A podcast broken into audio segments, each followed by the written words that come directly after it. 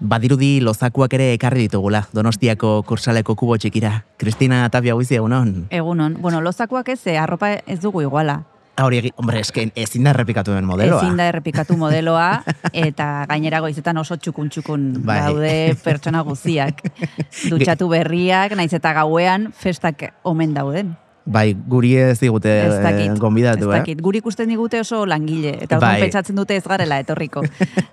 Hombre, urrengo gunean eh, goiz esnatzen garagu. Hori da. Ez aktoreak bezala. Hori da. E, badakizu aurreko egunean zer esan zidan nire lagun batek? A ber, Hemen zinemaldian lan egiten duenak. ez dakit.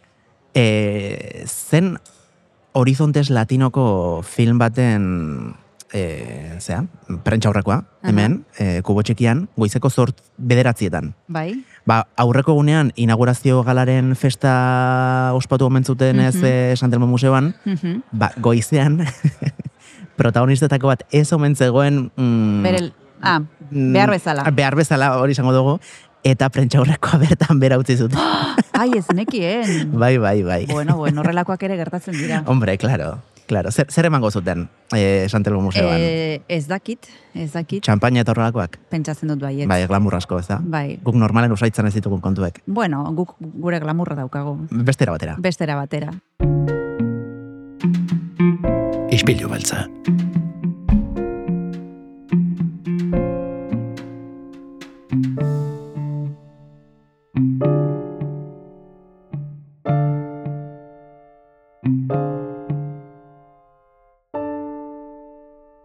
Guretzako bukatzear dago zinemaldia, alare oraindikan ere eduki pila galitzen zaizkigu. Oh. Gaurko saioa oso potente dator, nire Bai, ustez. bai, eta bai. igual, ba, egunotan bezala errepasatu behar dugu zein izan diren zinemaldiaren eh, datu historiko batzuk, ze, bueno, badekizue egunero egunero ari garela errepasatzen hemen ba, gauza interesgarriak, bitxikeriak, eta Mhm. gaur ere horrela nahiko genuke saioa. Hasi badekizu zier zenbat eh, pelikula jarriko dira aurtengo edizioan, oroar.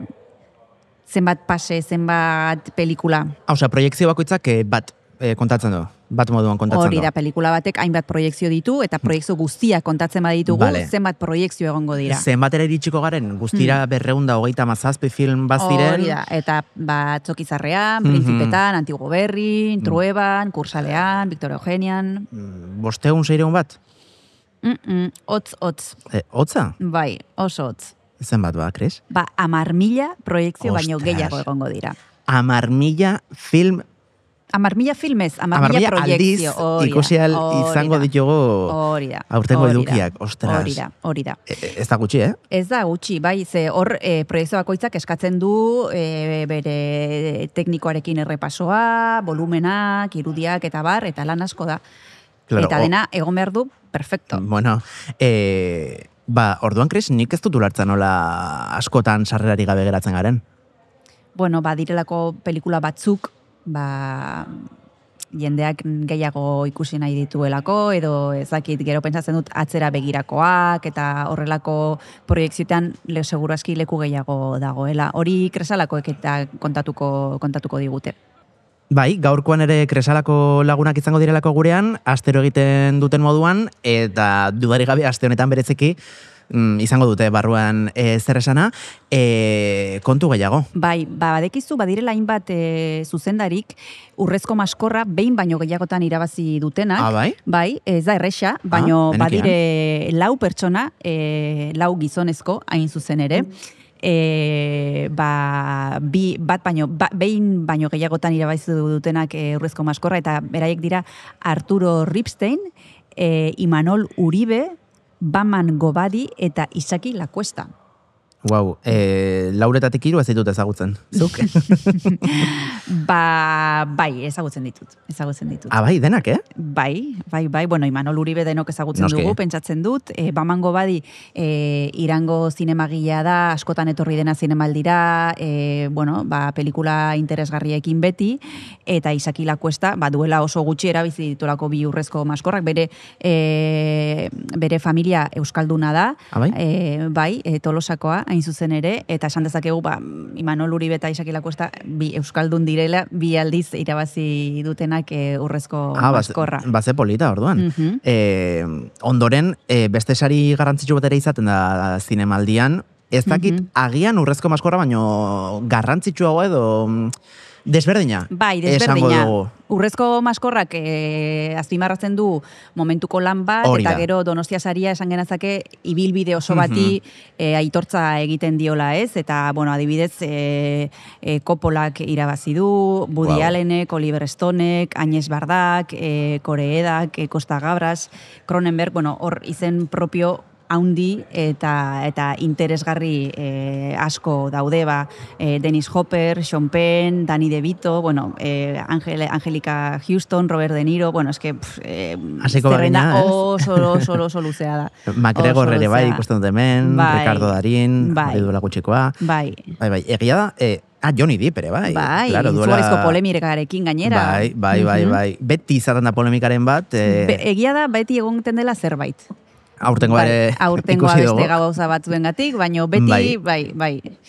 Ikusiko dugu nolaidakoa izango den datorren urteko edizioa, hasier hemen egongo gara kontatzeko ba, polemikarik dagoen edo ez, nortzuk izango diren Donostia sariak, eurrezko maskorrak eta bar eta bar. Bai, bai, espero dugu baietz, ez? Bai, eta bueno, guk gaur e, gure gonbidatuekin jarraituko dugu saioa.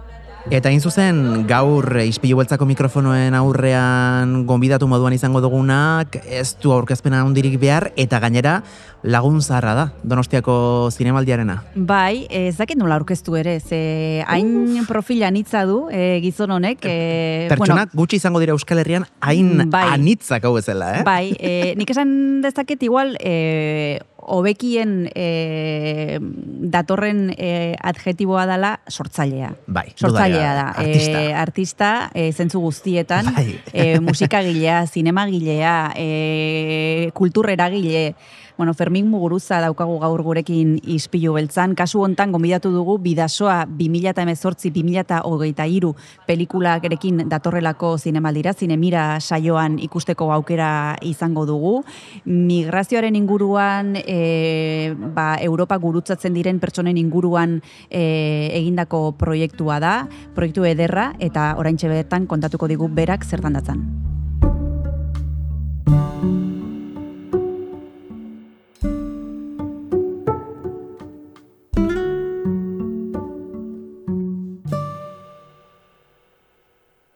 Fermin Muguruza, ongi etorri gure ispilura. Apa, gaixo. Bueno, zatoz proiektu berri batekin, Bidasoa, mila, Bidasoa 2018-2023 izena du pelikula honek. Bidasoan jartzen duzu fokua oraingoan, Fermin, zergatik erabaki duzue em, pelikula bat gai honen inguruan?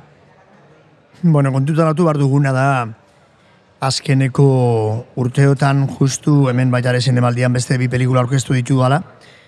Bata 2018an hain zuzen ere, e, Blackies Beltza animaziozko filma, eta bestea Blackies Beltza bi ainoa, iaz, eta bi pelikulen artean hau den naia gertatzen ari zen nere etxearen ondoan, hain zuzen ere bidazua ibaian. Nolabait eh, bata lehenengo pelikularen aurkezpen guztietan zeharka dena, e, zeharka ari zen, gertatzen ari zen guztia, eta bigarren pelikula aurkeztu bezain lastere baki nuen honekin astea, eta jan eraman, ba, bueno, dokumentatzen, eta eta lan, lana prestatzen, ba, dokumentala egin nahi nuelako, nahi nuen lehen bai gainera, ba, urgentziazko ari dutzen zizaidalako, ez? Brakiz Beltzaren proiektuekin azkeneko urteetan arrasakeriaren inguruko hausnarketa eta salaketa batez ere egiten genuen, eta gure etxean bertan ba, bederatzi hildako izan ditugu, bata bestearen atzean. Eta konfinamendua zegoen, gu elkartzen ginen protesta egiteko plazan, bidazoaren ondoan, impotentzia hundiz, eta erabaki nuen zerbait egin behar genula baita ere gu daukagun baita ere ba, gure baliabideekin, ez? Kulturan kokatzen duen budu- burua, kulturgilea naiz, dokumental bat egin behar nuen kontatzeko ze gertatzen ari zen. E, gainera, bueno, zuen e, lan honetan, e, bidasoa ibaian olabait ere, e, komunikabidetatik e, kriminalizatua e, izan da, eta zuek e, eriotzaren ibaia baino, bizitzaren ibaia dela aldarrikatu nahi izan duzu, ezta? Bai, gertatzen dena da, gainera lehen esaten duan impotentzia, ba, bueno, ikusten duzu hor ze, ze gertatzen ari den, ikusten duzu, ba, bai, protesta ofizialak, baina ez dutera gezertarako balio, ez? Eta gero ikusten duzu, eta edabideen la- lana, ez? Eta edabideen, edabideen, edabide batzuen lana jakina, ba, zein da, hori dena, ba, desvirtualizatu, edo deskontestualizatu, esatea ibaiak hiltzen duela, ibaia dela arriskua, trampa mortala, e, eta bueno, eta horten azkenean jartzen dute fokoa, ez? Orduan, ba, zenbait titular, zenbait e, horrelako edabidetan egindako erreportai hartzen genituen eta benetan ba, amorrua sentitzen genuen, ez? Eta orduan, ba, lehenengo helburua dokumentalena batez ere izan zen guazen hori desmontatzera. Guazen hori argi eta garbi esatera ez barkatu baina, ibaiak ez du hiltzen. Ibaia hor dago, ibaiak besarkatzen ditu gainera bi ibai ertzak. Ibaiak ematen digu bizitza eta guretzako da sekulako komunikazio bidea eta eta gainera maite egiten maite dugu izugarri, ez? Horregatik baita ere dokumentala nahi genuen izatea amodiozko gutun bat bezalakoa erakusteko ze edertasuna da honer, ze zenbat ematen digun, ez? Ibai horrek eta zenbat zor diogun, ez? Eta nola em, komunitate bat eraikitzen den ibai horren inguruan, ez? Hasieran ikusten dugu eskurra e, ibaia darra eta horren ondoa nola iturengo joaldunak joaten diren, ez? Lurra esnatzen bere zintzarrien kolpeekin, baina ibaiari konpainia egiten, eta gero ikusten dugu baita ere, bidazoaren bukalean, ere bai, endaian hor nola beste besta bat antolatzen den peiotetan eskatxarena, Eta hori dena dago, ez? Ez dugu kontatu behar, erakust, erakutsi egiten dugu, ez? Eta erakuste horrekin, ba, kontatu egiten dugu aldi berean oso modu, nik uste du poetikoan, ez? Komunidade horrek nola baitare ospatu egiten du, ibaiaren ondoan. Eta, eta horregatik, ba, helburu bat argi etzen, ez? Guazen hori desmontatzera honekin, eta guazen saiatzera horren beste protesta, horren beste elkartasun, horren beste lana egiten ari denaren inguruan guazen beste baita ere ba, bueno, zerbait egitera eta hori da gure dokumentala egitearena orkestea orain zinemaldian posposi gaudela ba, berriro ere hemen egotearekin eta berriz ere jende asko hasi dela hitz egiten horren inguruan eta batez ere ikusten ja karteletik jartzen dugula eta esaten dugula ibaiak ez duela hiltzen politika, politika arrasistak hiltzen duela. Ibaia aldarrikatzen duzue eta esango nuke ere beste gauza garrantzitsu bat nahi izan duzuela zuk esango didazu oker nagoen edo ez eta da lekua ematea, denbora ematea eta aitortzea ere nor hil ziren e, ba, bidasoa zeharkatu nahian edo Europarako bide horretan, ez? Izen abizenak jartzen dira eta kontatzen da pixka bat, beraien historia txikia ze batzuetan gertatzen da, hiltzen direla, baino zifra besterik ez dira, eta, bueno, titular handietan e, justu egun hortan e, hurbiltzen zaizkigu edabideak, baino gero, azten zaizkigu izenak, azten zaizkigu pertsonak direla, eta horrekin lotua, e, baita ere, azpimarratzen duzue pelikulan e, dikotomia, kontzeptu dikotomia bat pertsona migraria, ez? Eta zuek hori ere apurtu nahi izan duzue. Bai, esan behar da, ba, jakina hori, 2018an izten da, muga, e, itxiera edo kontrola rasista esartzen da, eta, eta guretzako oso oso garrantzitsua zen, naiz eta gero ikusi ere bai eta kasetari asko etorri diren, eta reportaje egin dituzten, gehienak hor, ba, Santiago Zubian, edo Avenida Zubian, edo Bebiako Zubian, eta torri dira, eta joan dira, eta egin dute, eta dena baliogarria da, eh? Dena, denak balio izan du, erakusteko segertatzen ari denez, baina, baina guretzako beste gauza da. Horregatik, eh, alde batetik erakutsi genuen bidazoa ibaia nondik nora di joan, ez? Eta, eta gero, hor, azken arnaz hartu dutenak, ba, hoiek ere bai erakutsi gizakiak direla. Gizakiak zirela. Eta horretarako, lehenengo gauza da izena bizena ematea. Eta ero ere nahi genuen ere erakutsi, ba, animazioaren bidez egiten dugula dokumentalean, gainera, ba, edo animazioaren teknikak ematen digun aukeraren bidez, ze bidaia egin zuten, nondik nora. Eta gero momentu batzutan ahal izan dugunean gainera, joder, ze mezuak igual elkartrukatu, ez? Guri benetan bihotza apurte, aburtzen zitzaigun ikusten genuenean, joder, ba, Algeriako gazte batek, ez, emeritzi urteko gazte batek usten diola nota bat bere amari, ama, niretzako zuzara dena. eta usten dio, eta amak bere ulertzen duela, semea joan egin zaiola, ez?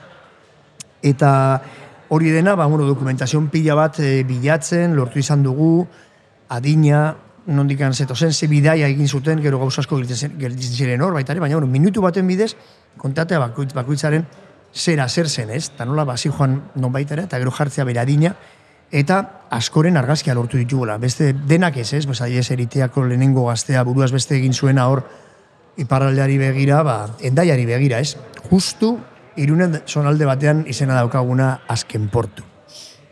Eta orduan, ba, tori zen lehenengoa, Orduan, ba, imagina ezazue guke lehenengo Black Beltzaren pelikulan Billy Holidayren Strange Fruit kantua, ez? Jartzen genuen nola lintxatu egiten zituzten beltzak eta erosin txilikatu egin zituzten zituzten zuaitzetan, eta orduan, ba, Billy Holidayek egin zuen kantu bat Strange Fruit, fruitu arraruak, ez?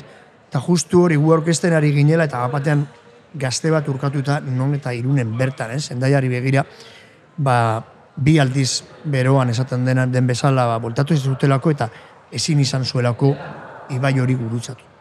Orduan, izen hori, izen abizena jarri barnien, ez? Hori ez nuen genuen lortu bere argazkia, baina bueno, guk geure bai egiten dugu pizkat barrazkiaren mm. bidez horregatik anima, animazioan ikustu dut teknika horrek ematen digu, joder, batzuk uston aukera ikusteko aizue, ez dira migrante, persona dira, bestela migrante errelazionatzen dugu, ba, bueno, zifra bat, estadistika bat. Bai.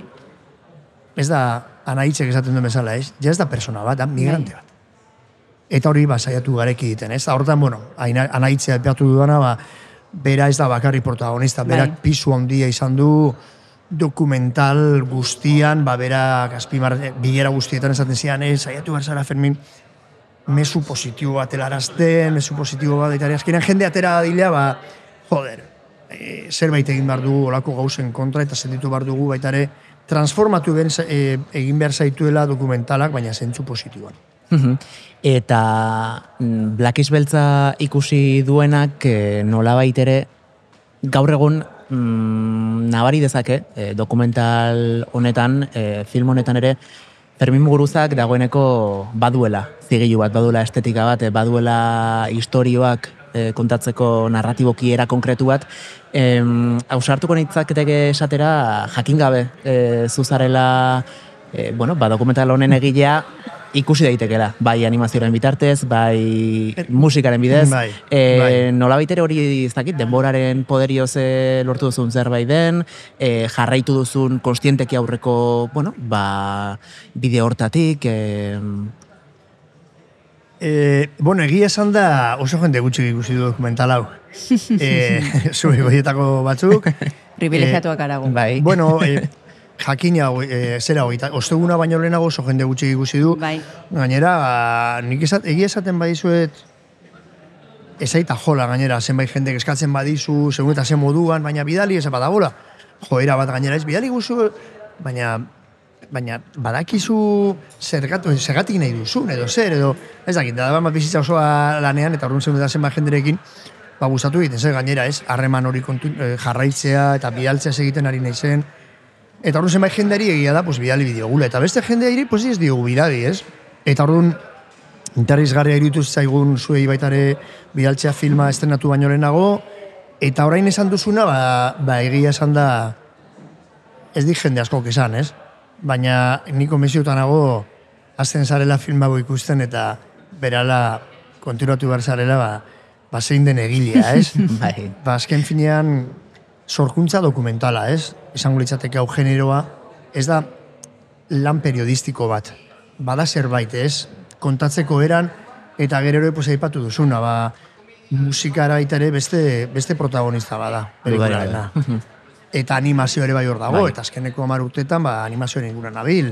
Gero gainera animazioa ba, landu dut Black is Beltza bi hainoa, ba hori ez hemen donostin dagoen loturarekin. Claro, haiek ere bai, e, ba, segiten segertatzen ari zen. Ba, ni banindoan horra estudiora eta joder, atzo beste bat azaldu dela, ez dakit zer. Eta ni haiek ja bazekiten nik zerbait egin nahi nuela. Eta esan nien, eta nahi, nahi dut animazioaren bidez, ba, ezin duguna erakutsi, ez daukagulako nola erakutsilako gauzak, ez? Beste dokumental gintzan baita ere, beste dokumentaletan batzutan antzestu egiten dira gauzak, teatralizatu, dramatizatu. Baina gu kasua badiz egiteko ze egiten genuen, ba, guazen mapa batzu sortzera, guazen gezien inguruan ikusteko nolakoa izan zen bidea, guazen momentu batean erakustera ba, nolakoa den e, ba, bidabez, e, ba, Senegalgo zenbait zonaldeak edo, edo e, gero egatzen direnean poliziaren kontrolak eta ez dakit, hola, ja egia ba ez egiten niego inain nuela, ez? Eta, eta dudari be holako gauza lortzen dira urten poderioz, ez? Ba, ni hasi nintzen dokumental gintzan duela ja laizter hogei urte, nahiz eta lehen hauetik baita ere hor daude bideoklipak eta roaz mugiak, zuzeneko kontzertu grabatu hori da baita ere ja kamera jartzea, editatzea, erritmoa batez ere lantzea, eta hori da pizkat igual beste, konstante beste, nik egiten duan guztiaren marka bat ere, bai, ez, erritmoa, ez, lehen guguna behin goina del tesori irakurri neon, ez, erritmo rabioso, no, bueno, beti bezala gainera jartzen zuen, ez, eta, eta bai, ba, niretzako polita da, esan duzuna, eta eskertzen dizut, eskertzen dizuet, ba, ba niretzako egia dela, ez da gainera, beste, ara, aratago joango nitzateke, nik sortzen dualako gainera solasaldi bat, batez ere azkeneko lan guztien artean, ez? Hmm. Argi eta garbi lehen aipatu dut Strange Fruit eta Billy Holiday, baina gero baita ere joaldunak aipatu ditu eta justu azkeneko Black Beltza inoa bukatzen da joaldunekin Iruñako txantrea auzoan, baina gero baita ere ikusten da Sara eta Murdiko kartela eta horrekin bukatzen du gusto Black Beltzaren lehenengoa mugan zuertatzen da baita ere Black Beltzaren azkeneko eta bueno, nolabait hori da azkeneko urtetan egiten ere izena, ez? Hmm. Aipatu dut ere bai arrasakeriarena eta dudari gabe Mhm. hor dago, ez? Baina, bai, bada, bada modu bat lana egiteko, hau urgentziazko lana esan dudan bezala izan da, oso ne, nekeza, oso nekeza, ba, ari naintzelako Blakiz Beltza biainoa aurkezten toki guztitan. Iraia, eh, bueno, uste oso eman dut, ez? baina iraiaren hasieran lehenengo astean egon nintzen Festival do Poesian Salvaterra Dominion, Portugalekin dagoen beste muga batean, bai, Galiza eta Portugal, lehenengo, bigarren astean egon nintzen Suizan Fantos Festivalean animazioaren ingurukoan, eta ordu hirugarren astean, pasaden astean jasi nintzen ja bidasoaren inguruan, baina hori indikan aste buruan kaleratu genuen Bir Galaxy Biltza bi ainoa DVD-a. Hor, nola bai zentratzen nahi ja bidasoarekin aste hontan, eskerrak ba, bueno, baita ere esatea sarrera guztia saldu zirela oso oso denbora Bai, gutxian, Segituan. hiru sesio horietarako gainera, e, pues, mila sarrera direla. Ba, kiston, ba, bueno, aurrekoan hiru mila persona sartu genituen pelodroman eta berela baita ere agurtu ziren, baina orain ere bai oso agur, asko, bueno, ziztu bizian agurtu direla, Bai. eta hau dokumental bada. Bai. Dokumentalerako beti, kontuen hartu behar du baita ere urriaren hogeian egon garela zinemetan, eta hori bai eskatzen dudala, ba, e, zuei, edabidei, ba, gero laguntzea zabaltzen, ba, oso oso dokumental gutxi e, banatu egiten direla zinemetan, eta Bai. behar dugula laguntzari ba, jendea animatzeko joateko zinemetara, naiz eta azte baden, bueno, eta gero kulturetxeak eta dena egingo dugu, ez? baina, baina bai, orain zentratu naizela ja bidasoarekin, baina gero baita ere ohituta nago beti balan askonekin lan egiten, ez? Bat, behin esan ziaten ematen du, zarela ba, horrelako oreka saiatzen den persona horietako bat, ez da gizenbela paterrekin eta denak aldi berean mugitu behar dituzula, eta bueno, pues, esan behar da baita ere batzutan erori egiten zaizkidala, eta puskatu ere bai, baina baina bai ondo ondo definitu zuten baitaren ere burua.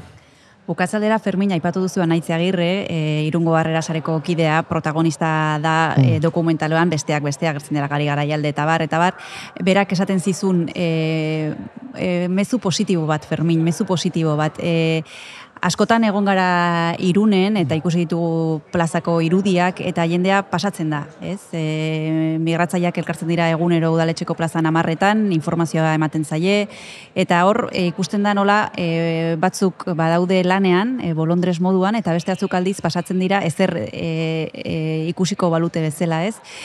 Aldi berean dokumentalean azpimarratzen da ere bai e, pertsona hauen lana, izugarria dela, bai e, hegoaldean eta bai iparraldean e, agertzen da intzane adibidez bidasoa etorkineko kidea, Hori da. eta em, zu e, itxaropentsu zara gai honekin ikusi, ikusi duzulako irundik e, zure etxetik ere e, hasi dela mugimendu bat oso e, potoloa e, gai honen inguruan eta jende Mm. askok parte hartzen du bertan, bidasoako bi aldeetan, e, nola sentitzen duzu, mm, edo, ze pentsatzen duzu mm, gai honen inguruan? Itxaropena baduzu edo, edo pixkat negatiboagoa zara?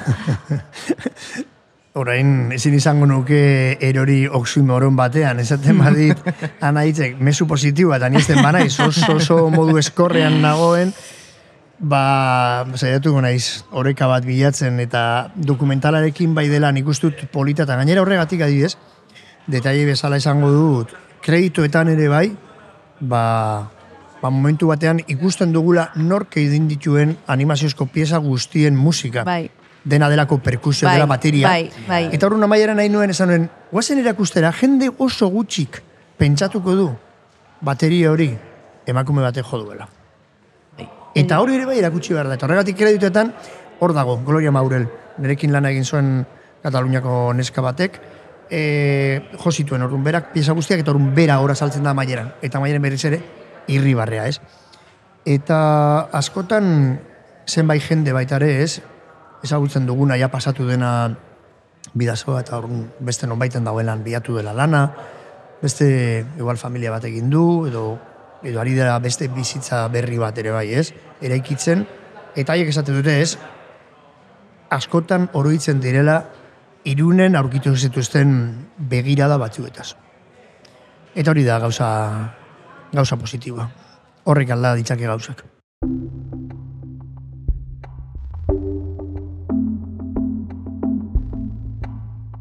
Ba, mezu poretxo horrekin eh, geratuko gara, e, mundu guztia gonbidatuko dugu, bai, e, bueno, zinemaldiara ez, e, Ja, zinemaz, ez, bukatu direlako- baina urriaren hogetik aurrera, mesedez, joan daitezela, bai zinemetara, baina gero baita ere, ba, bai, bueno, eh, seguro hori da. Herriko kulturetxetan izango dute aukera seguruenik ikusteko etxetik gertu eta urriaren hogeian eh, esan duen, eh, Ferminek esan duen bezala, ja, zinema komertzialetan seguro eh, zure herritik edo zure iritik gertu aukera izango zula ikusteko. Bai, noraino llegatzen da zuen eh, Davidean? Zuen onda Pues, espansiboa. eh, Donosti irundik zarete? aiaraino, gutxi gora bera. Hori irrat- iruneraino? Bai, Bai, irundik bai. aiaraino. Hori irrati normalean, baino gero podcast formatuan edonon. Ah, ah, ah, Edonon. Hori da ari- ari internet hemen, zuen onda global. espansiboa askoz murrutzagoa zela. Orduan, Bai. ez pentsatzen nuen esatea, bai, zue, príncipe zineman, espero ezagun, Ez, egotea ez, ez, gutxien ez, ez, bat, ez, ez, baino podcast Oh. formatuarekin ja Bai, iritsi gaitezke eh, Australiaraino. entzuten gaituzte, beraz. beraz, hemen Bueno. mezu augia, o, apuntatu urriaren hogeitik aurrera. Bai, Euskal- goitik aurrera Euskal Herrian egongo dira zenbait zinemetan, baina baita ere posible dizuet ere bai primizian esan Mexikoko, Mexikon egiten den Latinoamerikako dokumentalen inguruko festivalik handienean, ba hor egongo dela baita egongo dela dokumentala sail ofizialean, hori urriaren hasieran, justu Bueno. urriaren hogeia baino lehenago eta espero ezagun hemendikan baita ere asko zabaltzea eta jendea jendea enteratzea batez ere ze gertatzen ari den hor. Jende asko ez dakielako.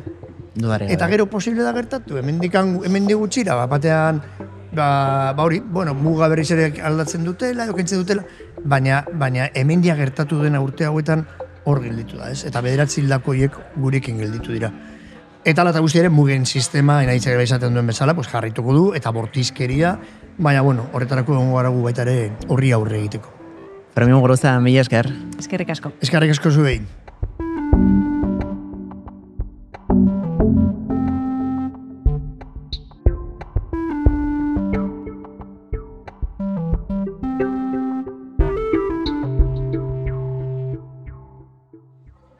Tira, Kris, eta astero-astero gurean izpilu beltzan izaten dira. E, Kresala Zineklubeko lagunak, eta nola ez genituen gaurkoan ere gonbidatuko gurera, ezta, aste berezi honetan. Bueno, eske ez dugu ez dugu aitzakiarik ez ekartzeko aste hontan gure Kresala Zineklubeko lagunak. Gainera, e, oso berezia izaten da saioa e, aste hontan, ze aurrez aurre egiten dugu kolaborazioa, e, normalean bakoitza bere txetik ari da, Bai. baino luxu bat da, aurrez aurre eta parez pare eukitzea, gaurkoan, e, Janet eta Pedro hurbildu zaizkigu, pelikula mordoa ikusi dituzte da eta oraindikan gelditzen zaizkienak.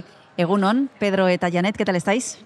Pues muy bien, aquí un, un año más, vamos a decirlo. Eso es, Aupa Kaixo.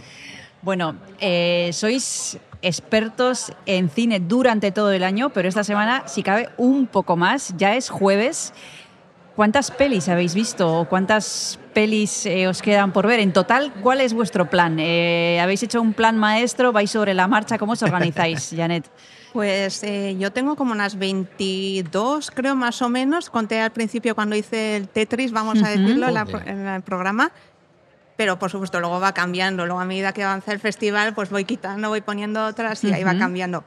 Y de momento no sabría decirte, la verdad. Pedro. Yo voy más o menos a unas tres por día. No, Bueno. mm, soy corredor de fondo. Bueno, vamos a hablar de algunas de las películas que habéis visto ya. Nos interesa vuestra opinión porque, como os decimos, siempre tenemos la ocasión de charlar con vosotros, de aprender de vosotros. Y, mm, Janet, eh, tú has visto una de las joyas de esta edición, la película El último proyecto de Miyazaki, The Boy and the Heron. Cuéntanos primero de qué trata y después qué te ha parecido. Pues eh, la historia principal es un niño que, bueno, no voy a hacer mucho spoiler, ¿eh? pero por circunstancias de, de la vida se va con su padre a vivir a otra, a otra casa, una casa que nos recuerda mucho a otra casa de, de- de, bueno, de las historias de Miyazaki, con esos jardines y esos campos y esos montes. Y bueno, le van ocurriendo cosas muy fantásticas, como no en el- la cinematografía de Miyazaki. Y bueno, va a haber aventuras, va a haber eh, muchas cosas que nos van a recordar otras películas del director, va a haber muchos mensajes. Y la verdad que a mí me gustó. Sí que es verdad que al principio me costó un poco entrar ahí porque había tantos mensajes y había tantas cosas que me recordaban a otras cosas que me costó, pero al final, sí, al final me encantó. Hemos, hemos podido leer todo tipo de, de críticas. Eh, Pedro, no sé si tú la has visto también. No, no, No, la no de Miyazaki tuviste- no, no pude. No. Eh, una de las críticas que a mí más me, bueno, me conmovió fue la de que es una obra testamental de Miyazaki. Eh, como que trata mucho de los, muchos de los temas ¿no? que ya ha tratado en obras anteriores y que es mm, bueno, un poquito el final de su legado, aunque él dice, todavía con 83 años, que, que va a seguir ¿no? Eh, con otros proyectos. Ya veremos si llega a realizarlos. Eh, ¿tú, cómo, ¿Tú cómo has visto esta película en ese sentido? Sí, yo creo que es como un poco el legado que ya va dejando en manos de los espectadores y de su, bueno, su familia, no sé, porque hay gente que incluso dice que es como una forma de un, como un testamento, ¿no? Que deja a su hijo, que es el que va a seguir, digamos, con el legado de, de Miyazaki. Pero para mí, más que dejar ese legado en el hijo o en la familia o quien le vaya a, bueno, que vaya a coger el cargo de su puesto, vamos a decirlo, yo creo que deja en el espectador, ¿no? Con el mensaje de la película es como que nos va dejando su legado y nos va dejando todo su conocimiento a través de la, de la película. Janet, decías que has eh, detectado varios elementos que se repiten en muchos de sus trabajos. ¿Cuáles son esos elementos? ¿Cuáles son esas características que Miyazaki, a los que Miyazaki recurre eh, en, sus, en sus trabajos? Pues mira, por ejemplo, hubo- había un personaje, una señora mayor que trabaja en la casa donde va el niño, que me recordaba muchísimo a una película y lo he estado mirando yo creo que es, si no es la, el mismo personaje, o sea, la misma dibujo, vamos a decirlo, es muy, muy parecido, ¿no? Yo creo que tiene elementos así, ¿no? Eh, que te van recordando. La casa me recordaba mucho a Totoro, Sí. eh, ahí en el campo, con esos montes detrás, ¿no? Entonces, tiene esos elementos, ¿no? Como que quiere mantener, no sé si, bueno, mantener más bien no, pero como el hecho de no dejar de legado y te hace recordar todo lo que ha creado anteriormente. ¿Esta va a ser de las favoritas de Miyazaki, de tus favoritas de Miyazaki? Janet, ¿va a entrar en el top 3 o no? Lamento decirte, Cristina, pero no, yo creo, No. bueno, en el top 10 igual sí. Vale. Pero ¿Cuál es tu top el- 3? Pues estaría Totoro, por supuesto. Mi vecino Totoro yo creo que es la, la número uno. Poca gente tiene dudas con esa, ¿eh? Sí, yo creo que nos ha robado el corazón a muchos. Eh, estaría la princesa Mononoke Sí. y la tercera estaría ahí entre varias. ¿eh? Tendría que darle una vuelta para ya decidirme por una. Es verdad que mm, yo he leído mucho en Twitter y también eh, mm, parte de críticos de cine que mm, no es a lo mejor una película que va a pasar a la historia como una de las referenciales de Miyazaki, aunque eso, bueno, vamos a dejarlo eh, ¿no? en manos del público. Comentar que también, bueno, pues todo el mundo tendremos la oportunidad de verlo a partir del 23 27 de septiembre, no de septiembre, no, perdón, de octubre en los cines.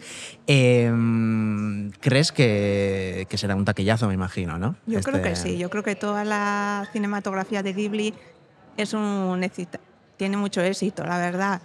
Yo creo que y además es que da igual el tiempo, el momento que lo que se proyecte va a ser un éxito y la gente le va a gustar y le va a ir al cine a verlo, por supuesto. Bueno, pues veremos qué pasa con ella a partir de octubre. Algunos privilegiados la habéis visto ya, pero los demás, los que no hayan tenido ocasión, como decíamos, a finales de octubre en los cines comerciales. Vamos a preguntar a Pedro por una de las pelis que ha visto él, Fingernails, de Christos eh, Nikou, una película que llega, bueno, eh, de dirección griega, pero la producción es eh, estadounidense. Cuéntanos, eh, Pedro, en qué consiste este trabajo. Mm, Es la segunda, el segundo largometraje de Christos Nikou, eh, al que tuvimos en el, en el Cineclub con su primera película, con Apples. Tuvimos la suerte de, de poder traerle.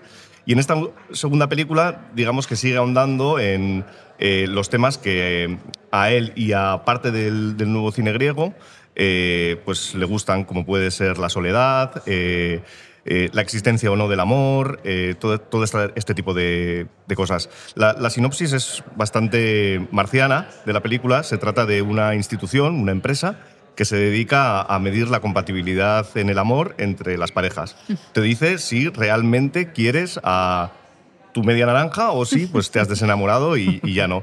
Le- añade un punto un poco escabroso que siempre hay también en las películas de Lantimos y, y de este tipo de, de directores, eh, de que, bueno, eh, para, para- para hacerte esa medición te tienen que arrancar una uña. Ajá. Y bueno, pues... Por eso eh, a lo mejor entre paréntesis pone fingernails, esto te va a doler. Exacto, sí, sí, sí, sí, es, es Vale. exactamente por eso, porque, bueno, es por eso y, y porque también el resultado, eh, bueno, puede no ser el, el esperado, puede ser... Además, es bastante gracioso porque da, da compatibilidad de- del 0, del 50, si uno de los dos está enamorado, no dice quién, o del 100. Entonces te puede ocurrir que te hagas el test y salga el 50. Y claro, eh, pues ahí si tú estás enamorado sabes que es la otra persona la que, la que no lo está. Bueno, es un- una propuesta yo creo muy original, como era Apples, la- su primera película, y que recuerda quizás a películas como Olvídate de mí, de, él lo ha comentado también, en, lo comentó en la rueda de prensa y, y cuando estuvo aquí con nosotros, que nos habló un poco sobre, sobre esta nueva película, ya nos comentó que parte de sus referencias venían de, de Olvídate de mí, de de Michel Gondry, que es una película que también eh, investiga eh, una, eh, en esa película se trata de una empresa que borra los recuerdos pasados. En este caso de Jim, Car- Jim Carrey, para que se pueda olvidar de, de- de Kate Winslet. Y digamos que en esta película bueno, hay, hay elementos eh, en común, no es eh, quizás tan alocada en, en muchos momentos como lo es Olvídate de mí, pero realmente es una propuesta súper interesante que además cuenta con dos actores de, de moda y que es realmente joder, una de esas películas frescas, diferentes y que hacen, para mí, de la- para mí que hacen crecer enteros a la sección oficial. Eh, se lanzará el próximo 3 de noviembre. eh, lo que no sabemos es dónde. ¿Tú Mm. crees que, que es una película como para proyectarla en los cines comerciales o es eh, un trabajo mucho más de autor? Eh, a ver, yo creo no es un blockbuster, pero bueno, está producida por Apple TV y su intención es estrenar en los cines. No, sé qué tal funcionará. No es una película, como digo, que vaya a hacer millones de, de recaudación, me parece a mí, ojalá me equivoque. Eh, es una película, quizá, digamos que a medio camino entre la rareza que quiere su director y la parte quizás más comercial y, y que, que le interesará a la, a la productora. Eh, la película, la verdad es que puede funcionar muy bien porque el, el, eh, el punto de partida, el tema, todo lo que cuenta eh, es bastante interesante. Lo cuenta de una manera totalmente distinta. Es una especie de comedia romántica porque Jessie Buckley, la, la protagonista, va a dudar del amor que siente por su pareja al conocer a su nuevo compañero de trabajo, Riz Ahmed, que, digamos, eh, bueno, pues que es que ni siquiera le seduce, ¿eh? es simplemente en el día a día, pues eh, va el roce hacia el cariño y, bueno, pues la cosa se va complicando. Decías antes, y para terminar, Pedro, que esta película se enmarcaría en, en, unas- en una serie de películas Mm. que están siendo creadas ahora por una nueva generación de directores griegos y has señalado algunas de las características de este tipo de trabajos. ¿Cuáles son esos rasgos que tienen en común todos estos trabajos que estamos viendo ahora desde Grecia? Mm. Eh, son películas normalmente eh, con, un, con un, eh, un tratamiento del tema. El tema normalmente es pues, el amor, el desamor, eh, eh, mi padre me abandonó, ese tipo de cosas. Lo que pasa es que desde un punto de vista muchísimo más original. Eh, desde un punto de vista normalmente más desgarrador también, más duro, eh, hay una película de la cara, no me acuerdo el nombre, que echamos eh, hace cinco años, que era, si no recuerdo mal, de una de las guionistas de, de Lantimos también. Y era una película eh, sobre unos hombres que se juntaban en un, en un barco y digamos que luchaban por ver quién era el más machito de, de todos. Era una película también que en el fondo pues, escondía eh, eh, un, bueno, un- como una sobredosis de, testosterona y, en algún momento de mal rollo, que es yo creo que lo que bueno, pues, eh, su- suele caracterizar eh, este tipo de, de películas, de, de Lantimos y compañía, y es eh, que a un tema más o menos normal le damos una vuelta y lo convertimos en algo muchísimo más original y también lo hacemos mucho más oscuro, como también puede ser Canino, Langosta, eh, todas estas películas. Langosta, de hecho, tiene bastantes cosas, yo creo, también en común con, con esta película. Hay que recordar que Christos Nikov fue ayudante de dirección de, de, de Lantimos. eh, y que me imagino que de ahí pues habrá, habrá aprendido mucho de, de ese mundo y, y mano a mano con, con Lantimos habrá podido también aprender de él, aparte de lo- del bagaje que ya tuviese él, pues cómo intentar construir este mal rollo poco a poco. Bueno, pues nos apuntamos, nos apuntamos eh, Fingernails de Christos Nikou y también eh, la película de Miyazaki que nos ha traído, que nos han traído Janet y Pedro. Eh, si os parece, os invitamos a que vengáis mañana y nos contáis eh, qué otras pelis habéis visto. Asier, ¿te parece? Bye, totalmente. Ahora os dejamos, que sabemos que andáis con prisa, eh, que vosotros tenéis el día muy tope, planificado. y ahora vais a otra proyección. Eh, Biarre elkar. Eskerrik asko, Bihar arte. Kikote. Zuei. Es que recasco, Agur. Ispilu beltza podcasta entzun gai duzu Spotify, Apple Podcast, Google Podcast eta beste hainbat audio plataformatan.